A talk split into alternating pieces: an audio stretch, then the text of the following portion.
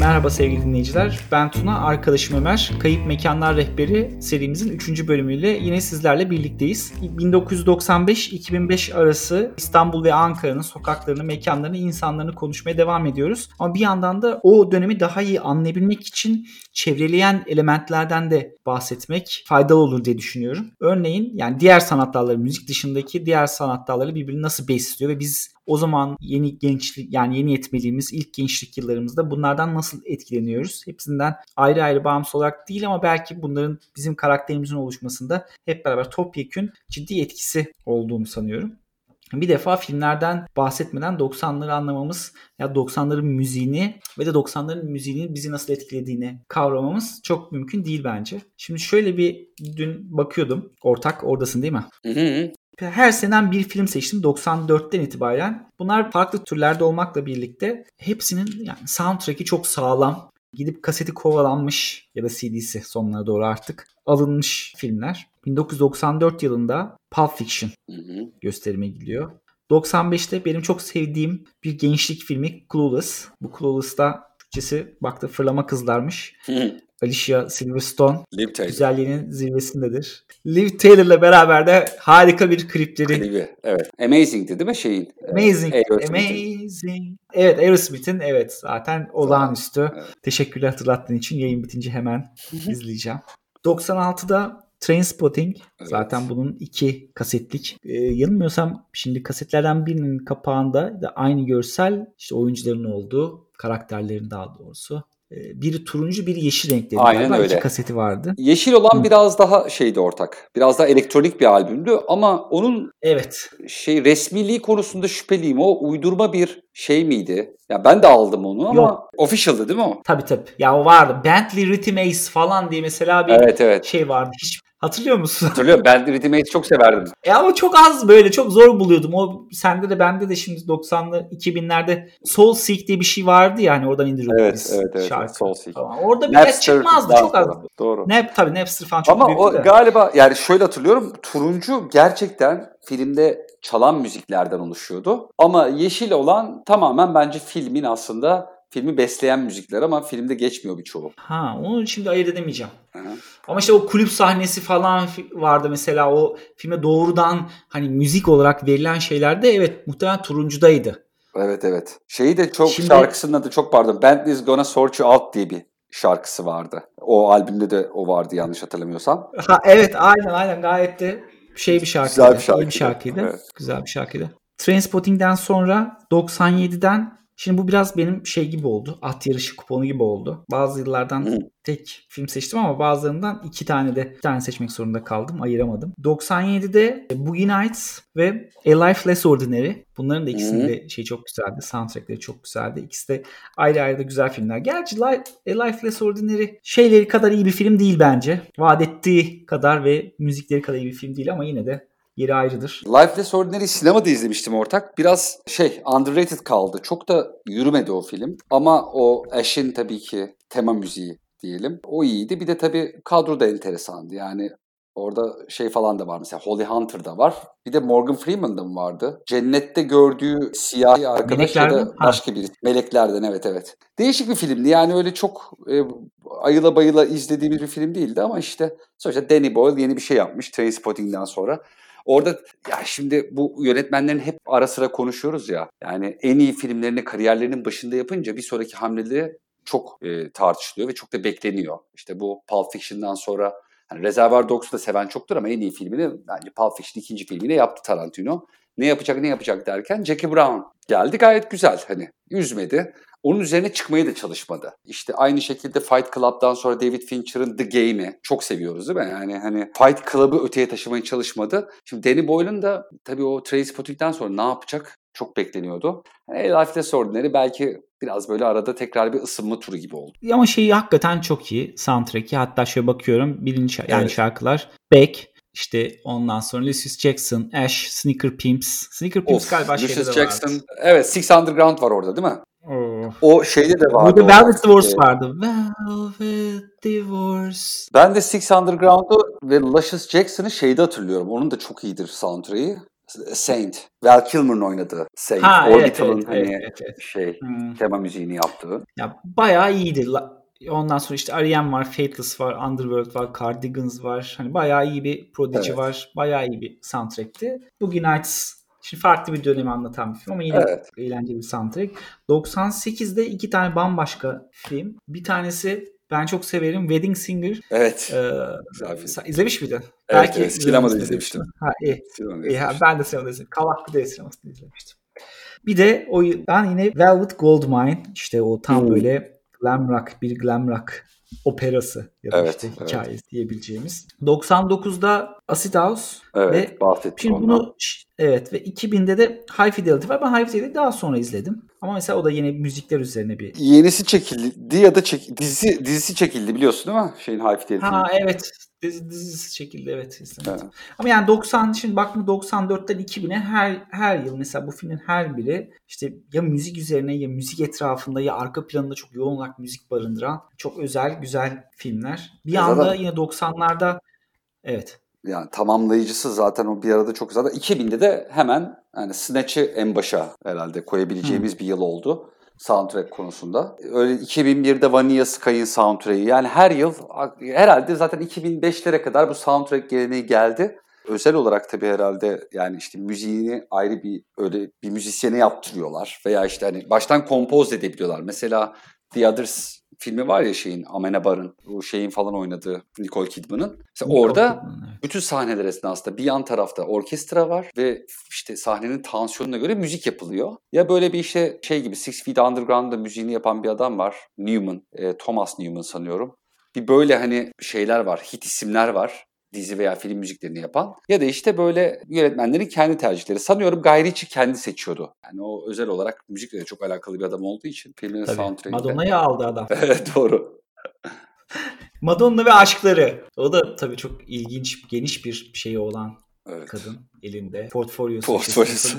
Şimdi bir yandan da yine aynı dönemlerde şey hala devam ediyordu 90'larda. Yani büyük rock grupları geleneği hala sürüyordu. Yani mesela 80'lerin 80'lere damga vuran uzun kıvırcık saçlı lateks elbiseli adamlar sönmeye başlamakla beraber evet devam ediyorlardı ama işte bir yandan Seattle merkezli olmakla birlikte başka yerlerden de işte Hı hı. ak gümbür gümbür rock fışkırmaya devam ediyor. Grunge İşte özellikle.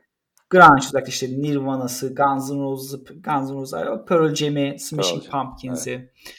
Yani işte ondan sonra Stone zaten Temple Ha. Pilots. Red Hot, Evet. Chili Peppers'ı yani hep büyük gruplar veya işte ondan sonra Arena, arena doldurabilen, arena rock Ha. denen. Evet. Evet.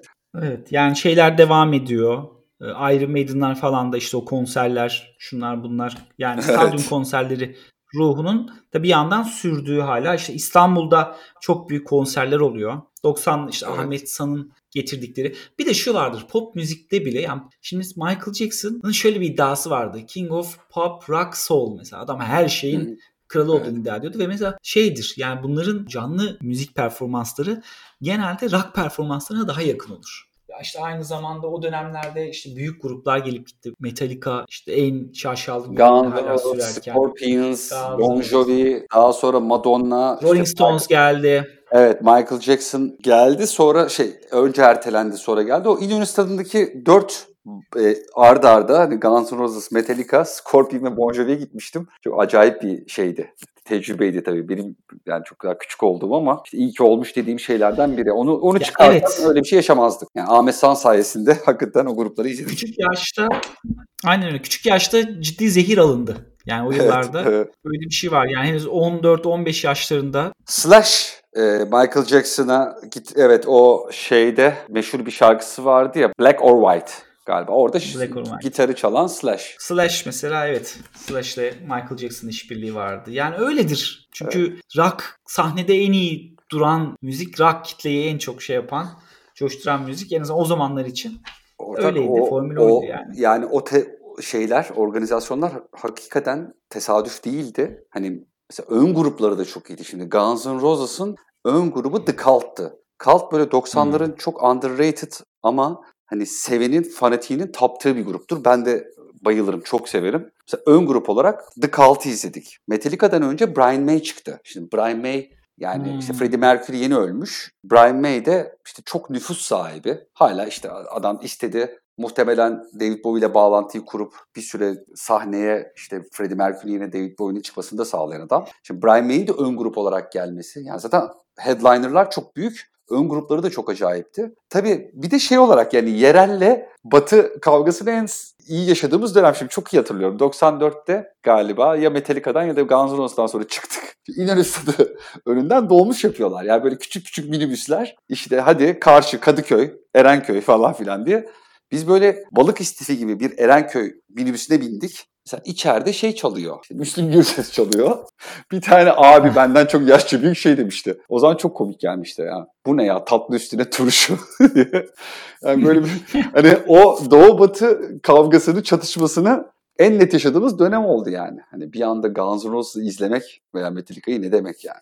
Ya öyle her şeyin iç içe geçmeye başladığı yıllar. Evet. Yani çok ilginçti. Çok. Bir kere şey çok önemli yani sokakta olmayı sevdiğimiz sokakta olmanın normal olduğu yıllardı. Şimdi kısaca değindik bu AVM'lere çekilmekten. Bu zaten çok işlenen bir şey. Çok herkesin gözü önünde cereyan etti ve büyük bir konu zaten işte bu şehirlerdeki sokakların zayıflayıp AVM'lerin kuvvetlenmesi, kapalı alanların kuvvetlenmesi. Ya on, onun öncesinde mekan sayısında mutlaka bir azalma olduğunu düşünüyorum. Bizim bahsettiğimiz kadar işte rock bar veya işte performans merkezi veya alanı şu an olması mümkün değil. Yani mesela şu an İstanbul'un en popüler performans sanatları işte şey gösteri merkezi Bir AVM için. galiba Zorlu. Ha evet. Bir AVM içerisinde mesela. Bu Doğru. bile Doğru. önemli bir gösterge. Hı. Sinemalar sokaklardaydı. Sayısız Kızılay'da örneğin sayısız şey vardı. Kızılay'da sayısız sinema vardı. Doğru. Bir çırpıda bile sayabilirim. Onların hemen hepsinin kapandığını sanıyorum. Evet. Ama sonra belki değiniriz diye şimdi çok o detaylara Hı hı.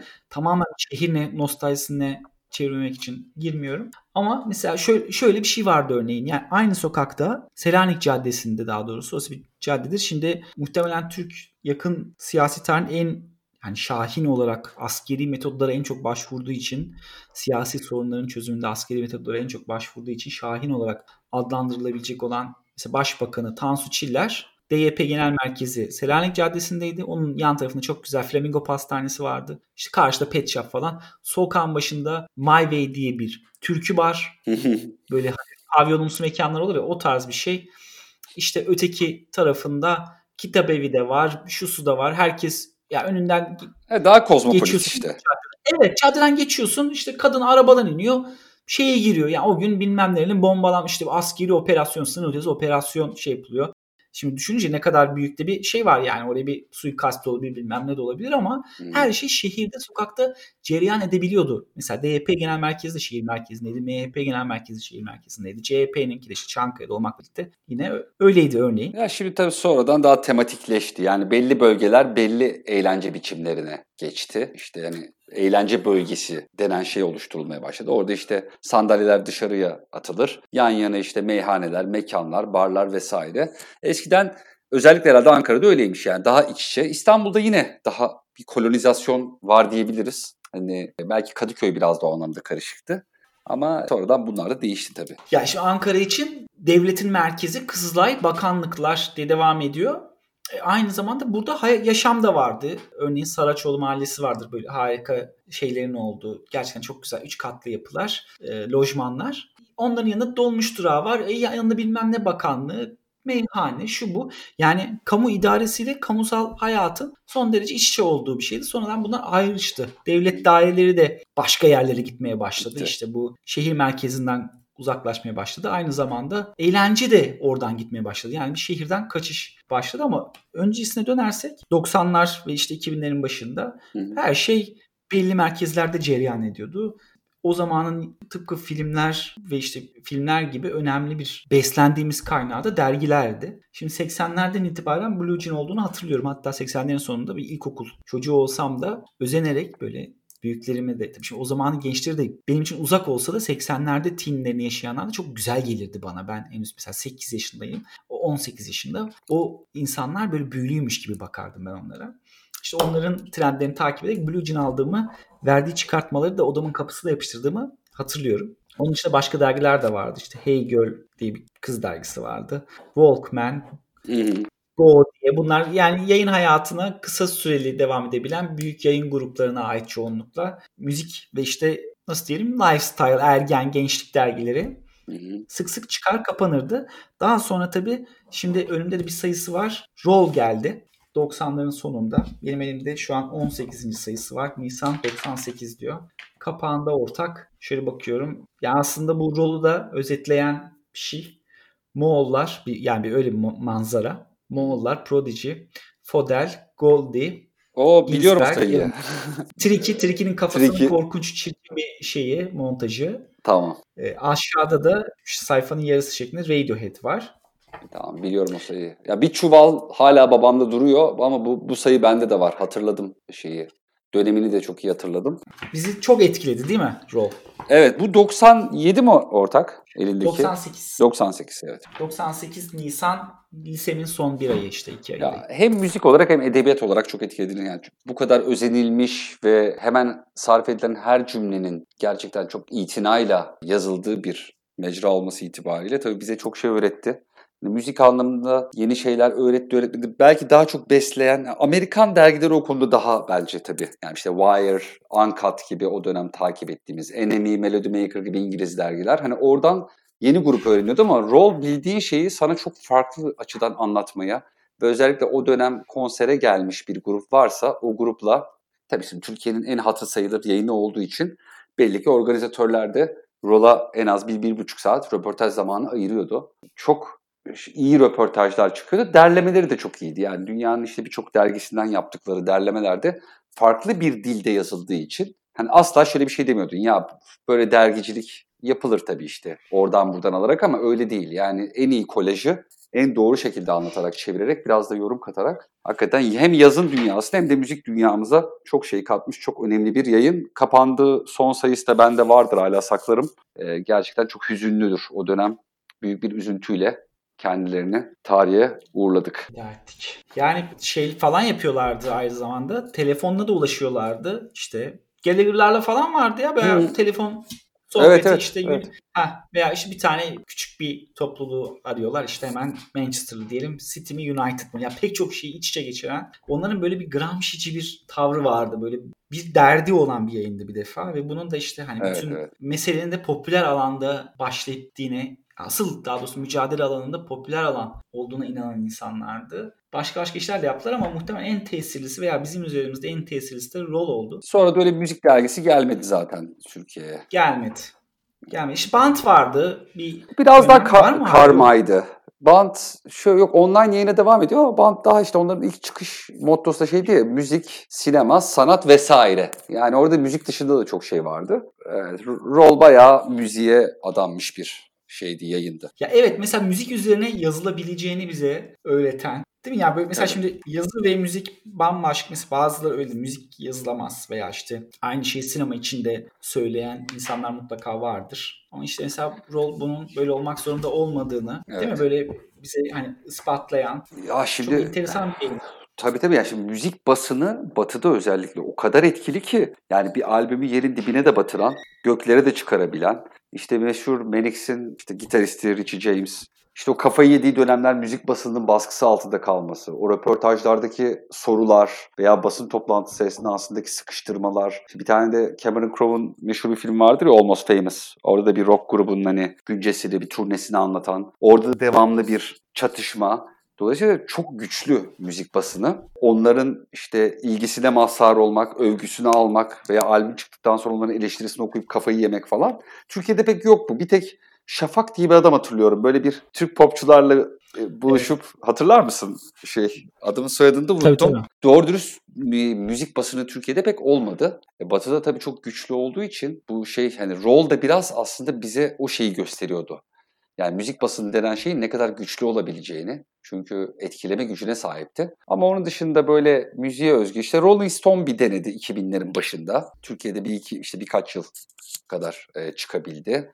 Basatap diye bir dergi vardı. İşte ayrıca Stüdyo İmge'nin kendi çabalarıyla bazen yayınları oluyordu. Ama rol açık ara o şeyde yani o o alanda e, bir numaraydı. Ama işte dergiciliğin hazin sonu. Onları biraz erken yakaladı aslında. Yani bence daha uzun yıllar dayanabilirdi. Derya Bengi galiba genel yayın yönetmeniydi. Artık yani 2008'di sanıyorum. Daha fazla devam edemediler. Yani online'a da geçmediler. Çünkü Değil onun ruhuna aykırı. Rol için mi? Rol için evet. Rol için. Ha, Yücel Göktürk'tü galiba ya. Yücel Gök. Derya Bengi o zaman başka bir şeydi. O Derya Bengi de aktif, faal, öyle Evet. şey bir evet figürdü. Ya onların mesela online'a geçmek de olmadı. Yani online'a da denemediler çünkü onların ruhuna aykırı. Yani o saman kağıdına baskı, bas, e, matbu nesne, hani yazılı bir şeyden online'a geçmek de herhalde çok işlerine gelmedi. Şimdi ortak o zaman Roll'a biz özel bir bölüm borcumuz Yapalım. olsun buradan sevgili rolcular. Aynen.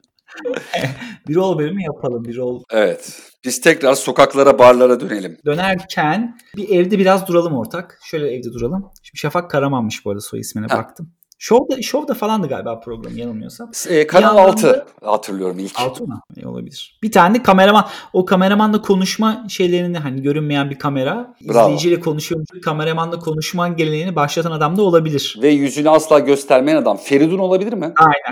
O şeyi, o gizemi yaratan kameraman üzerinden izleyiciyle de... Feridun diye hatırlıyorum adını onun. Olabilir hatırlamıyorum. Şimdi e, bir yandan da şeyde e, müzik televizyonlarının da çok önemli oldu. Çünkü mesela YouTube yok. Şok. Şimdi var bizim az sayıdaki 20'li yaşlarındaki dinleyicimiz için Spotify yok, YouTube yok. Yani öyle e, bir yayın takip edebileceğin radyolar var. Radyolarda genel olarak şimdi radyo çok pahalı bir şey. Genel olarak İstanbul'daki bazı radyolar dışında çok böyle ana akım pop dışına çıkabilen yani yayın prensibi genel yayın şeyi olarak çok az mecra vardı. Ankara'da belki de yoktu. İşte hani TRT3 hala arada rock programları yapıyor.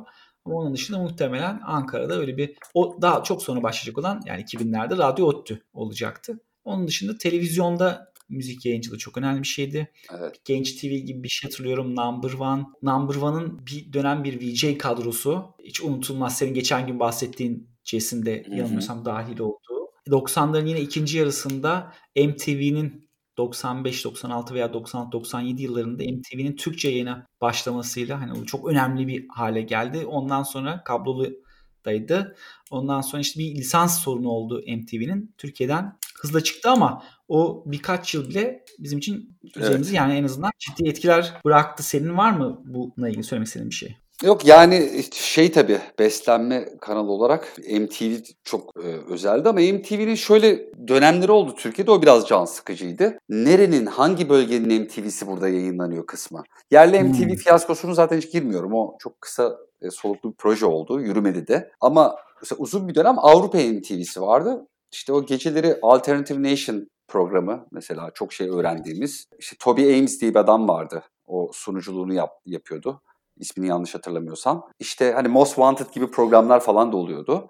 Ama bir süre sanıyorum mesela Orta Doğu'da yayınlanan bir MTV burada yayınlandı. Bir anda MTV böyle sadece hip hop, İsrail MTV'si yayınlandı. Evet yani böyle bir anda hip hop çalan devamlı bir MTV görür olduk. Ama işte o hani daha bize uyan yayının olduğu dönem tabii ki çok faydası oldu. E, Number One TV de daha yerli yabancı mixi iyiydi. Sonra galiba tamamen de yerliye döndü. Onun dışında Sonra işte yıllar sonra 2000'lerde galiba Dream kanalı geldi. Onlar da biraz Ah, devam etti. Şafak ondan mıydı? O da bir tane Şafak yine vardı başında. Onu bilmiyorum ortak. Ama benim dediğim 90'ların ortasındaki Şafak Kanal 6'da başlamış sanırım ama sonra Show TV'ye de geçmiştir yani o Dream TV'de de Şafak ondan vardı. Hmm, olabilir. Evet. Ee, şimdi onun dışında televizyonlar dışında artık yani bir kitap evleri tabii. Ankara'nın bir de öyle bir şey vardı. Çok fazla kitap evi vardı. Bu dergileri, yabancı dergileri de mesela orada Hmm, getiren. şey yapabileceğimiz işte Wire'ı, Ankat'ı bilmem neyi evet getiren. Başta Dost. Bir de kaset kovalama, rolda falan okuduğum mesela şimdi topluluklar ne olduğunu bilmiyorum. Merak ediyorum. İşte iki sayı, üç sayı üst üste.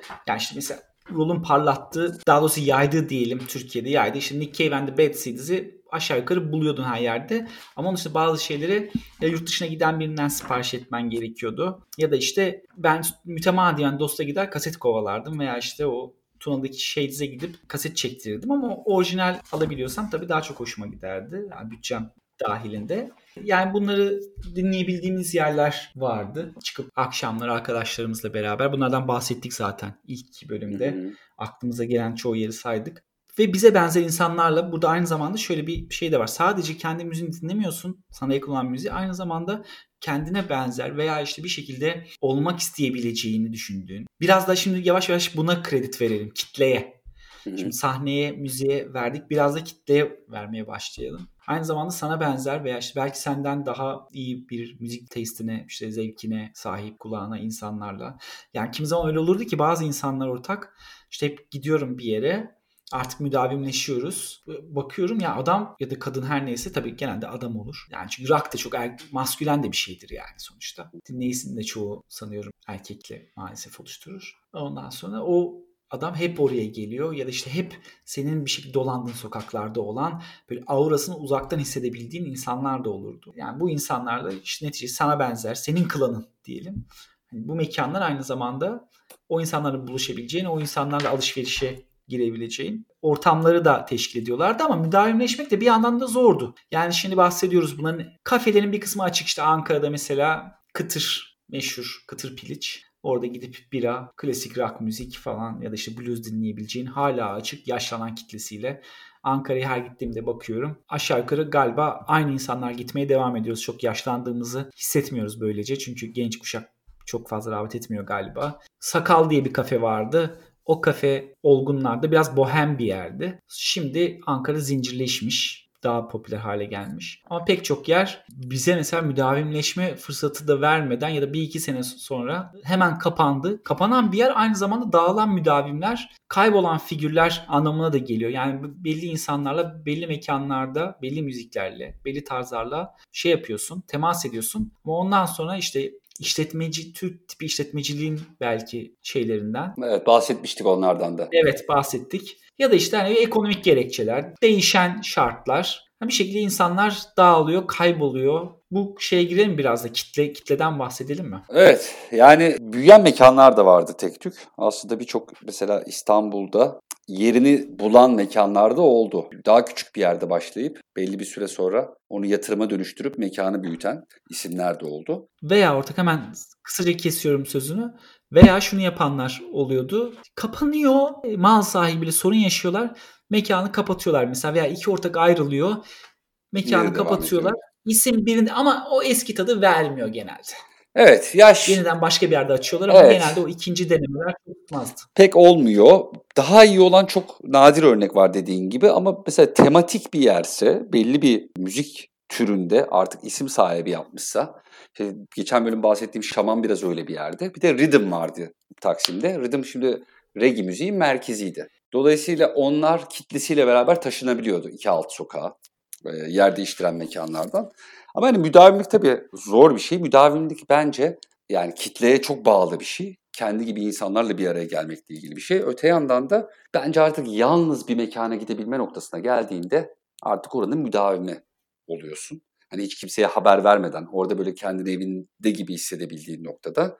Hani o meşhur Cheers e, dizisi vardır ya. Cheers hemen aklımıza, e, Cheers aklımıza geliyor, geliyor tabii. O, o bar, işte o ortam. Zaten tema müziğinde de işte herkesin adımı bildiği bir yere gitmek istiyorum der. Yani güzeldir o. Böyle Amerikan gençlik filmlerinde de date'e çıkar oğlan ve kız. Hani oğlan sonra tanındığı yere götürmeyi sever. Şunu duymak güzel bir şeydir. Hmm, burada bayağı tanınıyorsun demek. Yani işte selam veren birileri, servis yapan birileri falan. Dolayısıyla artık 20'li yaşlarımızda biraz daha keşfetmekten ziyade yani sürekli listeye çek atmaktan ziyade bir rutin oluşturalım. İşte bir mekan bulalım, bize göre bir yer olsun ve devamlı oraya gidelim arayışı başlamıştı. Bizim mesela öyle senin biraz önce Ankara'da verebildiğin örneklerin e, bendeki karşılığı e, Büyük Parmak Kapısı sokakta Pia Kelaynak diye bir mekan. Pia'ydı aslında ama orada bir de küçük bir kelaynak yazardı. Klasik bir Beyoğlu binası, üç katlı. İşte bir katından çıkıyorsun yekpare bir böyle Trabzon hani korkuluk iskeleti var. Yerler tabii ki parke. Giriş katında bir şey yok zaten. Orada direkt merdiven var. Yan tarafta merdiven boşluğu. Birinci kat asıl mekan. Bir de üst katında mekanın artık deposu olarak kullanılan bir yer vardı. Orada hani kendimi en evimde gibi hissettiğim yeri nihayet bulmuştum. Bu arada gündüz gezmelerini de bulmuştuk onu. Tabii birinden duyuyoruz. İşte oraya gidiyor. Hadi biz de gidelim.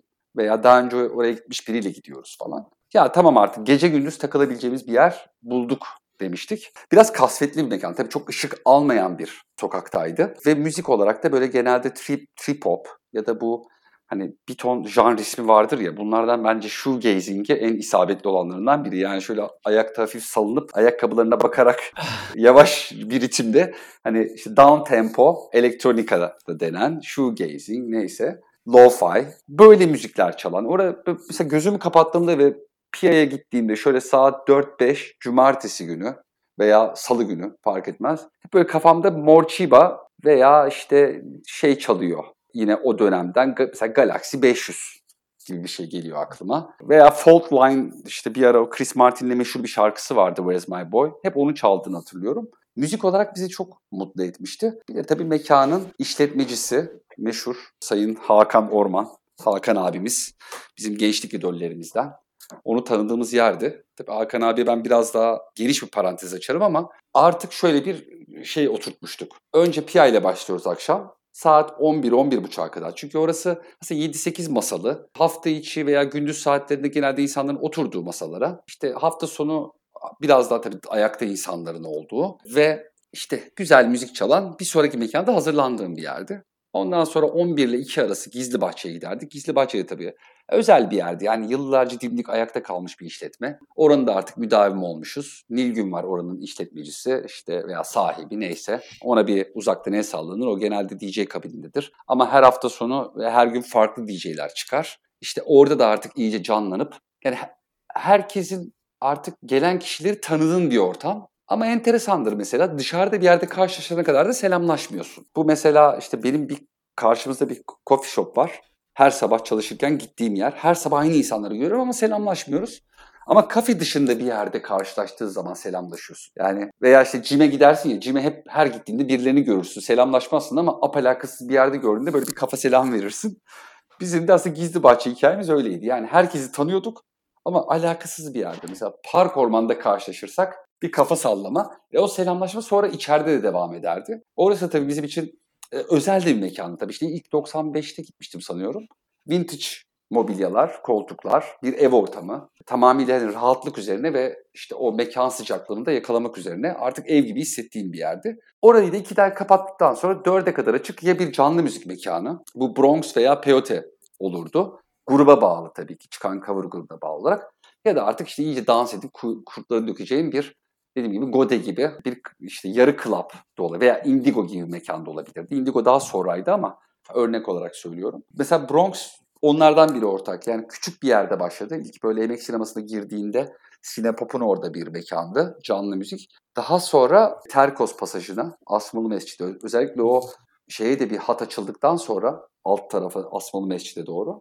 Oraya taşındı. Peyote de aynı şekilde. Daha önce yanlış hatırlamıyorsam senle geçerken hani çakmak tamircisi bir yer gösterdin ya. Normalde evet. o sokaktayken e, sonra taşındı daha büyük mekanı, şu andaki yerini Nevizade'deki. Yani o müdavimlik hissi işte ya ben, ben Piyote'ye hiç kimseye haber vermeden gittiğimi çok hatırlarım. Bazen yalnız geçerdi ama anlatacağım işte Hakan abiyle beraber geçerdi. Ama o esnada mesajlaşırdık. Gelen gelirdi, gelmeyen gelmezdi. Hiç kimseyle buluşmadan döndüğümü de hatırlarım. E, o müdavimlik güzel bir şey. İşte keşke bunlar bizim mahallemizde olabilse. Yani ironik olan ben evimden 25 kilometre uzakta bir müdavim olduğum yer bulmuştum.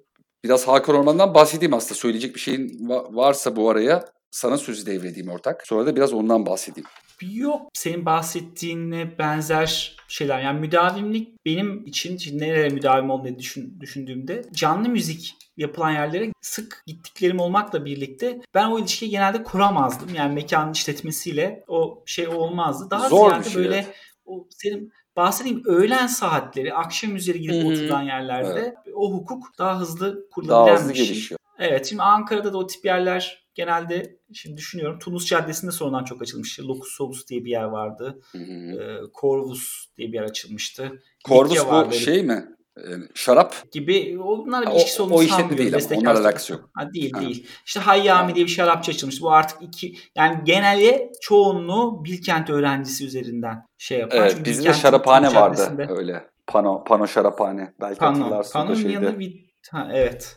Victor Levi de vardı orada. Onlar böyle ya, yakın birbirine. Evet çok çok gidilirdi. Şey. Veya işte Likya diye bir yer vardı. Bir de Kalt diye bir yer vardı. Bunlar da hep böyle müdavimi olan insanların oturduğu saatlerce işte böyle belli bir saatten sonra belki dansa da dönen yerlerde ama evet, dönen, benim tabii. müdavimlik ve hani böyle işletmelerle içi dışlı olma yıllarım ortak biraz daha şeye üniversite tabii. sonrası artık çalışmaya başladım. Dolayısıyla İzmir yıllarıma bir şey yapıyor, tekabül ediyor. Denk Sen geliyor. şimdi Hakan abiyi ben işte Hakan abi Evet. bahsettiğim kişi öldüğünde de şeyden hatırlıyor. Rolcular yanılmıyorsam anmışlardı ve Allah Allah ya bu adam kim acaba? Evet pek Ki, bilinmez. Hani yani müzisyen değil nereden yani bu adam bu nasıl bir karakter diye merak ettim hatırlıyorum. Ya ortak tam bir işte alt kültürel fenomendi. Yani belli bir grup insanın çok yakından tanıyabildiği. Şimdi bu peyotenin içerisinde dediğim gibi normalde 7-8 masası vardı. Masalara oturursun. Bir tanesi de böyle cumbanın olduğu yerde yaklaşık 4 ya da 6 kişilik bir masa var. Fakat bizim en sevdiğimiz şey Trabzon'a oturmak. Trabzon'a oturduğunda da biraz servis alanını aksatırsın. Dolayısıyla çalışmaya yeni başlayan birisi hemen sinir olur sana. Bazen böyle ufak uyarı alırsın falan ama ya ben buranın müdavimi. Tamam sen devam et. İşte orada Hakan abiye bir el kol. Hakan abi zaten onlara tamam devam edin der. Biz müdavimler olarak o Trabzon'da saatlerce takılabilme ayrıcalığına sahiptik. Şimdi Hakan abi bir kere gen olarak pek bu bulunduğumuz topraklara ait bir gen değil. Hani Quadrophenia'ya koy, çıkar hiç makyajsız oynar. Hatta Quadrophenia değil de daha çok onda mod havası vardı. Yani Paul Weller'a benzetirdim. Bayağı böyle bir hani İngiliz rockstar gibi takılan boylu poslu, iyi yapılı, bayağı yakışıklı ve havalı bir adamdı. Ve şeydi yani şimdi ileride artık samimi olduğumuzda işte öperken böyle bir sırtına dokunursun. İnsanın demire çarpıyor gibiydim ve o hani öyle gym salonunda falan yapılmış bir kas değil. Yani öyle şeylerle uğraşacak bir adam da değil zaten. Hayat kası yani. Zaten tanıdıktan sonra geçmişte yaptığı işleri anlatınca hani sanayide çalışmaktan tut hani sokağın farklı safhalarından geçmiş. Gece hayatı çok yoğun. Aslında kendini gece hayatına adamış. E, gece hayatına adayınca da biliyorsun onun bir takım uzantıları kaçınılmaz oluyor. Ağır bir hayat yaşadığını da bu anlamda hani çok net görebiliyorduk. Ve dünyevi zevklerden çok uzak bir insan gibi gözüküyordu. Zaten ilk bir yıl kendisiyle mesafeli bir ilişkimiz vardı. Yani uzaktan kafa sallamak şeklinde. Fakat bir yıl sonunda, bir buçuk yıl sonunda benim de moralimin bozuk olduğu bir zaman Trabzon'da dururken yanıma geldi. Ve böyle 2-3 saat sohbet ettik. Arada tabii o zamana kadar bize müzikle jestler yapıyor. İşte Uncle o ara popüler. Uncle'ın Be There şarkısını çalıyor. İşte biz çok keyif alıyoruz bundan. Onu gördüğünde bir sonraki gelişimizde yine onu çalıyor. Veya biz gidip abi bunun bir de Ian Brown'un vokal yaptığı versiyonu var. Onu çalar mısın? Yanımda yok. Bir hafta sonra onun CD'si geliyor falan. Yani müzik üzerinden jestleşmeler. Biz yeni bulduğumuz birkaç şeyi, önerebileceğimiz şeyi ona bırakıyoruz. İşte o bize bir şey öneriyor. Ama şeye şaşırıyordum. Yani bu kadar dünyevi alışkanlıklardan uzak bir insanın müzik konusunda kendini sürekli böyle update ediyor olması Hatta onun da böyle bir deha mı yoksa aslında gelişi güzel mi olduğu konusunda şüphelerimizin olduğu bir dönemde oldu. Yani birileri veriyor ve rastgele mi çalıyor farkında mı? Tabii sonra zaman içerisinde tanıdık. Bir gün gelip 2-3 saat kadar oturduk. Aslında ortak her şeyin farkındaymış. Kim nedir, bizim arkadaş grubumuzda kim kimle beraber, ayrılıklar, birleşmeler. Zaten Happy Top'u 25-30 metrekare bir yerden bahsediyoruz. E orada tabii ki şimdi bir yıl boyu beraber gelen bir çift var. Bir yerden sonra birinin ayağı kesiliyor, diğeri gelmeye devam ediyor. Belli teritörü olarak o almış erkek veya kız. Burası benim hani. Diğeri gelmemeye başlıyor. Veya belki asenkronize bir şekilde geliyorlar mekana. Aslında her şeyi takip ediyormuş. Çok da ayakları yere basan ve hani bu kadar cool bir karakter ya çok doğal olur ya da çok pretentious olur. Ne kadar doğal olduğunu anladık. Böyle çok aslında düz. Örnek veriyorum sen orada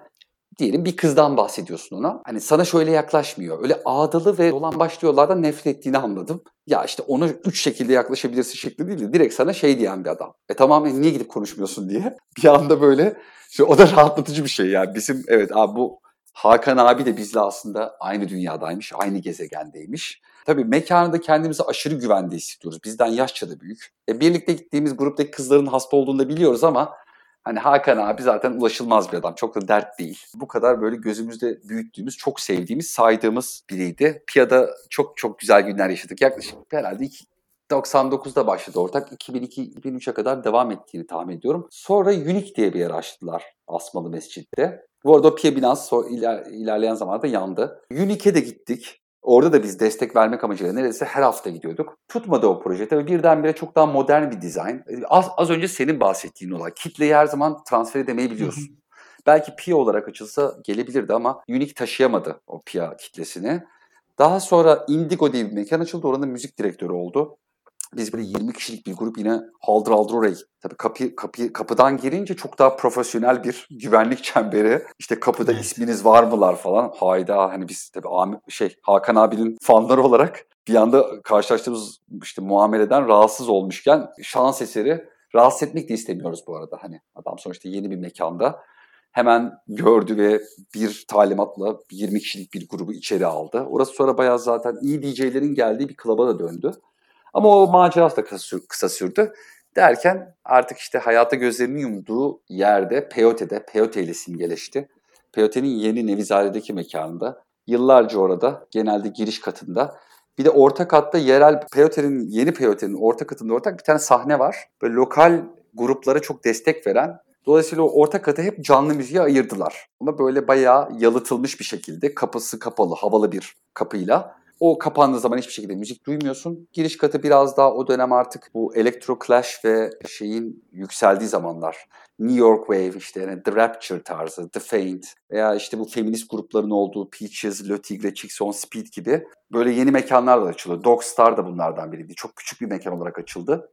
Sonra o da büyüdü. En az Peyote kadar büyük bir mekan haline geldi. En azından hacim olarak. Girdiğinde gerçekten kendini New York'ta hissettiğim bir yer haline geldi. Bir Pia otantikliği belki yoktu tabii ki ama farklı bir kulvardaydı. Hakan abi orada da tam gaz yoluna devam etti. Maalesef işte 2010'da olduğu ya 10 ya 11 çok da hatırlamak istemiyorum.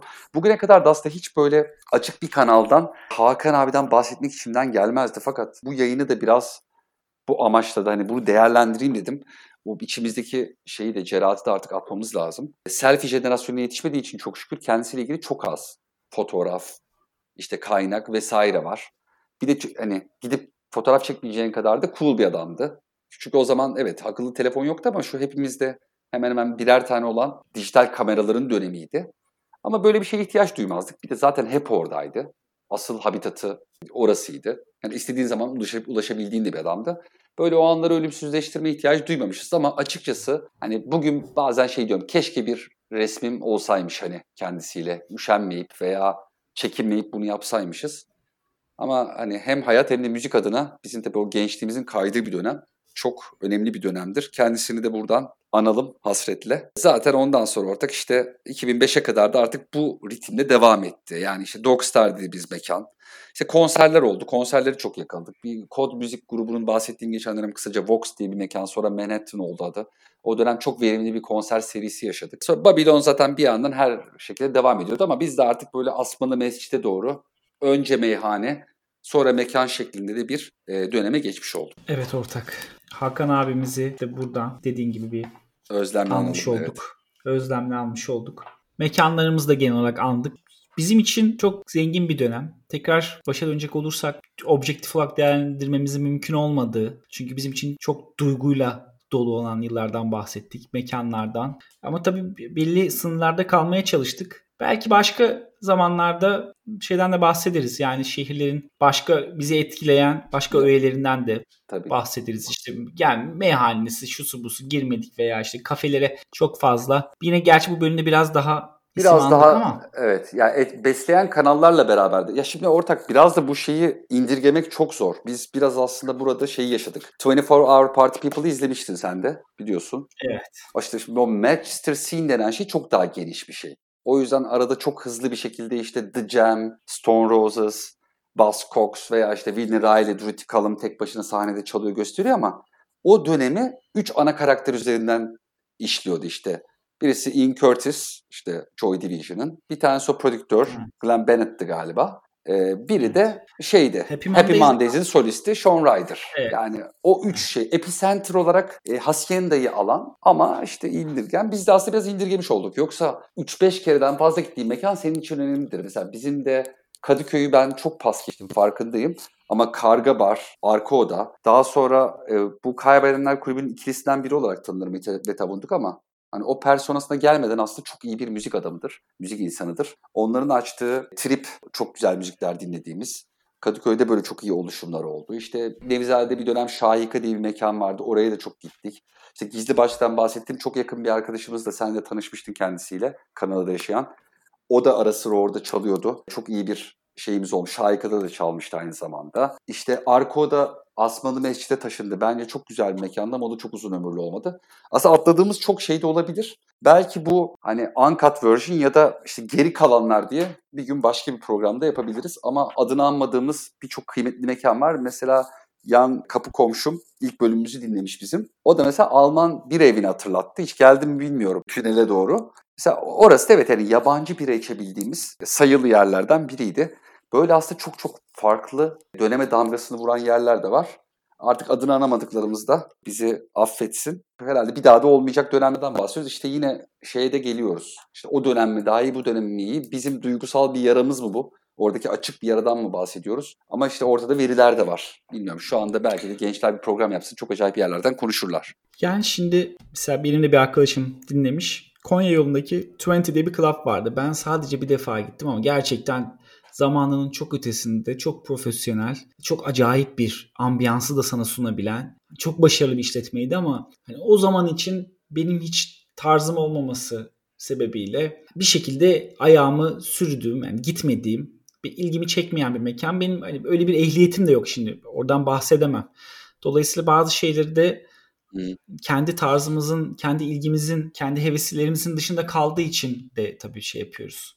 Görmezden evet. gelebiliyoruz. Bir yandan da yani şimdi tabii Ankara'da mekanlar var, şu var. Şimdi sen Hacienda veya işte 24 Hour Party People örneğini verdiğinde veya işte geçen gün bir abiyle tanıştım. CBGB'ye gitmiş ya da Studio 54'a hmm. mıydı? Hani ikisinden birine gitmiş. Ben abi öbürüne de gittim mi diye sordum böyle heyecanla. Yani o hani büyük bir tecrübe hakikaten yani adamın orada belki işte evet. Blondie vardı veya işte Talking Heads vardı. Her neyse sahnede acayip bir şeyler oluyordu. Belki herif girdi içeri Ramones'u dinledi. Umursamadı. Pek umursayacak bir tip değildi ama hani yolu geçmiş. E şimdi ben de ne anlatayım? Hmm. 84'ü izlediğimi mi anlatayım? Kafam çok iyi falan. 10 tane ben Teoman konserine gitmişim şimdi. Ne Ankara'nın da şimdi kendi limitleri var sonuçta. E oradan çok fazla Ankara'dan çok iyi müzik grubu çıkıyor. Şimdi çıkıyor da ne oluyor? Çıkıyor da. Sonları evet. ne? Yani hepsi bir şekilde Ha, ana akım arabeskleşen bir garip bir şey çıktı yani. Ya şu hip hop özellikle şimdi yeni dönemde bu audio tuning, hani audio tuned şey rap,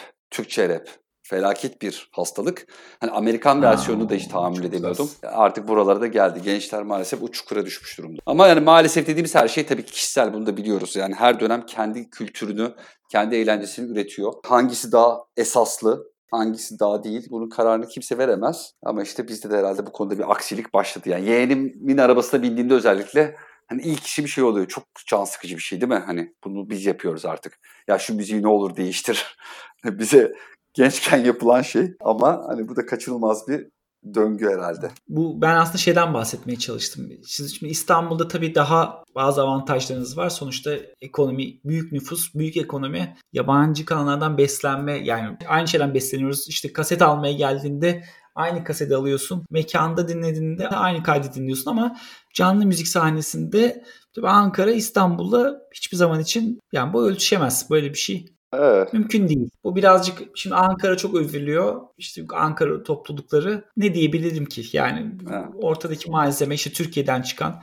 Şimdi bir yandan ama bakıyorsun şimdi Batı ile mesafeden mi kaynaklanıyorsun? Şimdi Japonya adamların çok acayip bir mesela caz scene'leri var. Hani nasıl oluyor evet, işte. Evet. Yani rockları da fena değil falan. Hani bir şekilde bizim kendi kısırlıklarımızdan da kaynaklanıyor herhalde. Yani Kaynaklı. tarzı Doğru. evet tarzı oluşturmaya başlıyorsun. Hani orada bir, bir kitle olarak var oluyoruz. İşte işletmeler falan da oluyor ama ürüne geldiğinde ortaya çıkan ürün şimdi senin bahsettiğin topluluklar ya Athena işte yani çok canlı alev alev bir punk performansından şey yaptığında e, evet, söz ediyorsun. Evet. Hani sahnevi trash metallerden evet. Trash metaller aynen evet. onu söyleyecektim. Hani bir metallerden punk öncesi bir trash metal şeyleri de var galiba. Ondan sonra ilk albümlerini hatırlarsak o lise sonda olmam lazım ya da lise 2'de. Eğlenceli bizim yaş grubumuza da hitap eden cıvıl cıvıl müzikti.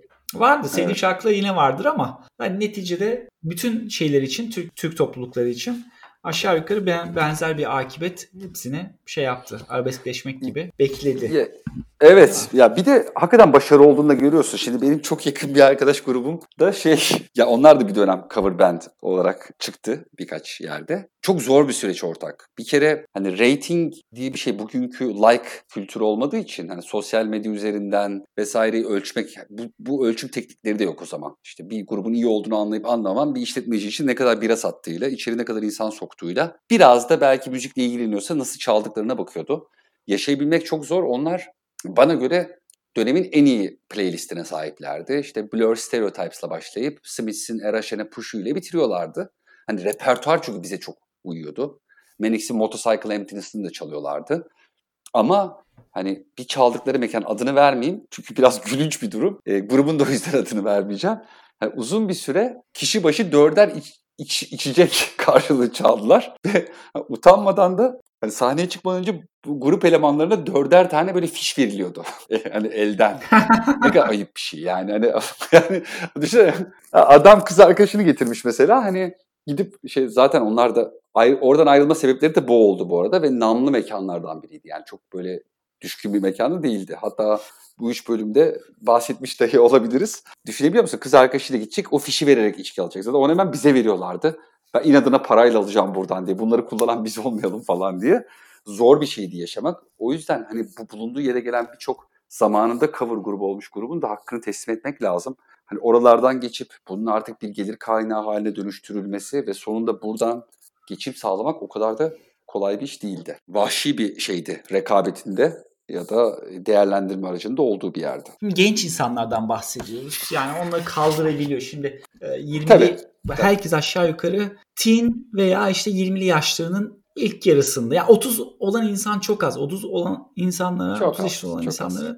hakikaten işletmeci olarak mekanda bulunduğu yani çok az kitlenin belki %10'u. Şimdi bu tip mekana muhtemelen yaşamlarını sürdürüyorlar. E, gidiyor musun? Gitmiyorsun. Evet. Yani bir şekilde performans konser olduğunda takip ediyorsundur ama insan hayatında da öyle dönemler var. Kendi müziğini evde dinliyorsan da dışarıya gittiğinde biraz daha farklı yerler takip ediyor. Yani başka yerlere gitmeyi tercih ediyor olabilirsin. Kendi akranlarının veya işte daha ferah bulduğun eğlenceler veya sana daha artık hitap eden eğlence tipine.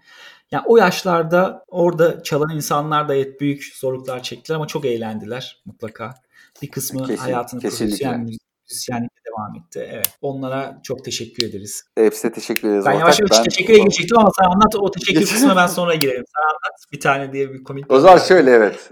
Bir tane evet, komik bir yanı geldi. Madem bir bar kavgası anlattık bir de bunu anlatayım. Ya yani şöyle komik olan belki de başlangıcı ama işte ne kadar hani cover gruplarının bizim hayatımızda önemli olduğuna dair de bir örnek. Şimdi ben maça gitmişim ortak Beşiktaş maçına. Üzerinde Beşiktaş forması. Yani belli maça gidip döneceğim. Telefon trafiği olmuş ve Taksim'e çıkıyoruz bir anda işte. Arkadaşlar oraya gidiyor. Sen de gel. Tamam ben de geliyorum. Eski Bronx'a git. Herhalde bu yıl ya 2000 ya 2001. Dolayısıyla bir Taksim barında Beşiktaş formalı bir adam olarak içeri girdim. Şimdi tabii o zamanki formalar da bence şimdiye göre biraz daha günlük hani casual diyebileceğimiz tarzda. Hani beyaz bir forma ama üzerinde hep topu 3 tane şey var işte. Bir bir işte Puma var teknik hmm. sponsor logosu. İşte bir Beşiktaş logosu var ki o da daha vintage'di. Bu Ahmet Dursun dönemlerini hatırla, ilk zamanlarını. Bir de önde de Beko yazıyor. Yani şöyle bir şey olmuş şimdi bir mekana gide, gidince hani arkadaş grubunun başka arkadaşları da eklemlenir. Yani böyle bir anda genişler ama mesela sadece bir kere görürsün onu hayatın boyu o gelen bir insanı. Daha sonra onların böyle bir grup kendi arasında benim adım geçince şey demiş ya o kadar futbol alakasız bir tip. Ya o Beko tişörtlü çocuk bahsetmiş. yani o, onun için o, o kadar ifade ediyor. Ama hani bugüne göre en azından dediğim gibi daha az billboard gibi gezdiğin ve bu kadar dar olmayan formalarla. Şimdi bir tane grup var sahnede. Ben bugünkü kayıda kadar bu bölümü düşünürken ya şey bu anı, anı hep aklımda şey gibi kalmış. Winona Riders diye bir grup vardı. Bizim ilk çıktığı zamanı hatırladığım ve böyle sahnede çok destek verdiğimiz. Çünkü iyi müzik çalıyorlardı. Yani işte Marcy Playground'da çalıyorlardı, Pixies'de çalıyorlardı, Ramones'da çalıyorlardı. İşte Muse, Radiohead falan ve sürekli de böyle repertuarını geliştiren bir gruptu. İlk çıktıkları zaman Bronx'ta müthiş destek vermiştik. O önemli çünkü az önce söylediğim şey. Yani oraya gelen crowd'un onu benimsemesi. Ben sanki hep o grup gibi kaldı aklımda ama galiba Mor ve Ötesi'ydi. Mor ve Ötesi'nin daha kendi müziklerine geçiş yapmadıkları zamanlar. Radiohead çalmayı severlerdi ve Just şarkısında The Benz albümündeki çok iyi çalarlardı. Onun da klibinde böyle bir şey vardır. Hani yerde yatan bir adam vardır. Herkes ona neden yerde yattığını sorar ama adam bir türlü kalkmaz. Başını üşüşürler. Ve en sonunda artık klibin hani finalinde ne olduğunu söyler. Biz bilemeyiz onu seyirci olarak ve herkes yatıyor olur. Ha o gün bayağı boştu mekan. Çünkü şimdi formayla maça gittiğin süre zaten çok kısıtlı ortak. Muhtemelen ya Ağustos ya Eylül başlarından bahsediyoruz. Yani lig yeni başlamış ve artık bir bayram tatiline mi denk gelmiş? Çok boştu mekan. Bizim 7-8 kişilik grupta Dinamo konumunda. Yani işte çünkü sahnedeki grubu da motive etmen lazım. Onlar için de çok sıkıcı bir şey boşluğa şarkı söylemek. Sonra bir anda organize olup onlar Just'ı çalarken tam klipteki aynı yere denk gelecek şekilde 8-10 kişilik bir grup yere yatmıştık ve o klibi canlandırmıştık. Şimdi böyle dışarıdan bakıyor ve izliyor olsam bunu Allah belanızı versin derim ama tabii Ortak sizin şeyi çok, çok Harun dinleyici performanslarınız olmuş gerçekten. Geçen bölümde Killing evet evet? Rage Against the Machine'de de evet. Revolver pardon. Revolver. Revolver canlandırması. Yok yok Killing in the Name'i işte Athena'da kavgaya sebep olan hadise. Orada Killing in the Name'i canlandırmıştık. Burada da Just'ı canlandırdık. Ve hani bitirip böyle bir acayip teşekkür ettiğini, ne kadar mutlu olduğunu falan hatırlıyorum. Tabii o da bizim için şeydi. Bir de hatırladığım bembeyaz formam leş gibi olmuştu. Yani o bir daha böyle şey hani yıka yıka, yıkayınca bu defa baskılar falan bozulmuştu. Bir daha iflah olmamıştı o forma. Ortak sizin şeyin Fatboy'un Praise You klibini hatırlıyor musun? Evet onu da yaptık. Siz öyle bir tayfa mıydınız ya siz? Ortak. ya o, o da Ya sen böyle harika yaptık sanıyorsun ama öyle, öyle Yok, miydiniz acaba? Kesin öyleydik ve ya burada tabii çok bir şey yok. Çok bir teatral bir sadece yatıyorsun ama yan yatman önemli ve bacakların dizlerinden kırman lazım. E, bir kısmımız en azından yapmışızdır herhalde doğru bir şekilde. ama You'yu da şeyde yapıyorduk. Zevzekleştiğimiz zamanlar bir yere gittiğimizde mesela Fateless'ta yapmıştık. Yani? Fateless bitmiş. Yok yani mekan içinde Hı. 7-8 kişilik grup yapmaya çalışıyoruz ama yani kaç kişi anlıyor onun You olduğunu bence saçma sapan hareketler yapan. Hani yapamıyorduk da muhtemelen. Veya Daft Punk'ın şey Daft Punk'ın o Around the World'u yapmaya çalışma. Bu da meşhurdur ya. Ha o Robot dansları. ondan küçük pasajlar sunma. Şu an mesela yapıyorum. Kayıt yaparken bir yandan da yapıyorum. O çok zor ya. Vücudun farklı e, ciddi bir şey. Koordinasyon gerektiriyor. ya evet. Ama işte o an şimdi sarhoşluk da öyle bir şey. O an her şeyi müthiş yaptığını falan. Tabii tabii tabii. Biz e, biz çok eğleniyoruz ya tamam ya. Bir de hemen orada bir klanlaşma dediğin gibi. Yani abi biz çok eğlendik. Başkalarının ne düşündüğünün ne önemi var? Şimdi ben bunu yapan tipleri görsem evet hani grup falan çok sevindi. Harun alkışladı ha böyle sonunda süpersiniz ya falan diye de e şimdi baktığında hele bilmeyen biri için çok gülünç bir durum. Bunu yapan birinin de bir futbol formasıyla yapıyor olması. Futbol forması deyince de aklıma hep şey geliyor ortak böyle Ege Ege'deki hani o İngiliz pancar gibi yanmış istakoz gibi amcalar. Kuşadası. Ya o bir dönem futbol formalarının da popüler, havalı bir şey olduğu bir dönem oldu. Ya İngiltere formaları hep havalıydı işte ama. topluluk üyelerine de Aa evet Ha, tabii topluluk tabii. üyelerinin Türkiye geldiklerinde forma vermesi falan o öyle bir şey olmuştu. Bravo. Asian Duff Foundation falan mesela Barcelona forması. Onlar tabii Katalunya mücadelesi herhalde itibariyle de. İşte yok çok olurdu ya şey. Geçen mesela eski bir klip izledim. Japonya'daki Paul Weller konseri. Evet mesela basçı Japon milli takım formasıyla çıkmış. O herhalde biraz da şey böyle jest. Evet ha tabii şey kısmında var. Türk tabii Türkiye'ye gelip Türk milli takımı formasıyla çıkan metalciler falan aklıma Değil mi? hemen geliyor yani tabii tabii. Şey mi? Eddie Vedder Eddie Vedder'ın? Beşiktaş. Beşiktaş. Yok Bereydi galiba. Ha. Eddie yoksa Galatasaray forması yok değil mi Eddie Vedder'da öyle bir şey? Giy- giymiş gibi hatırlıyorum sanki. Manu da vardı Galatasaray forması galiba. Öyle mi? Dur Eddie Vedder aratacağım ya çok merak ediyorum. GS forma diye aratıldı çıkacak diye. Yok. iyi yokmuş. O zaman Beşiktaş bereli bir şey olabilir doğru. Öyle bir şey olması lazım. Evet. Ya öyle topluluklarla, Rahmetli sahnedeki şey topluluklarla gelen şeyler kim? Kobe Bryant Galatasaray forması giymiş. Ama döndü galiba Ya onu son şeye getirmişler. Döndü Beşiktaş'a döndü. Nereye döndü? onu galiba sponsor getirmişti.